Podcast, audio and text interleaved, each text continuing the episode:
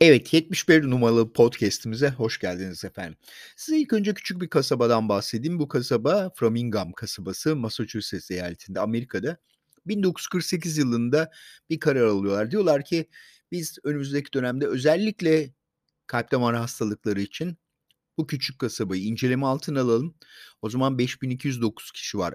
Erişkin kişiler bunlar ve bunları düzenli olarak takip edelim. Kan tetkikleri yapalım, diğer tetkikleri yapalım ve uzun dönemde bu hastalığın nasıl geliştiği konusunda bilgi sahibi olalım diye başlamışlar. Bakın 1948 ve şu an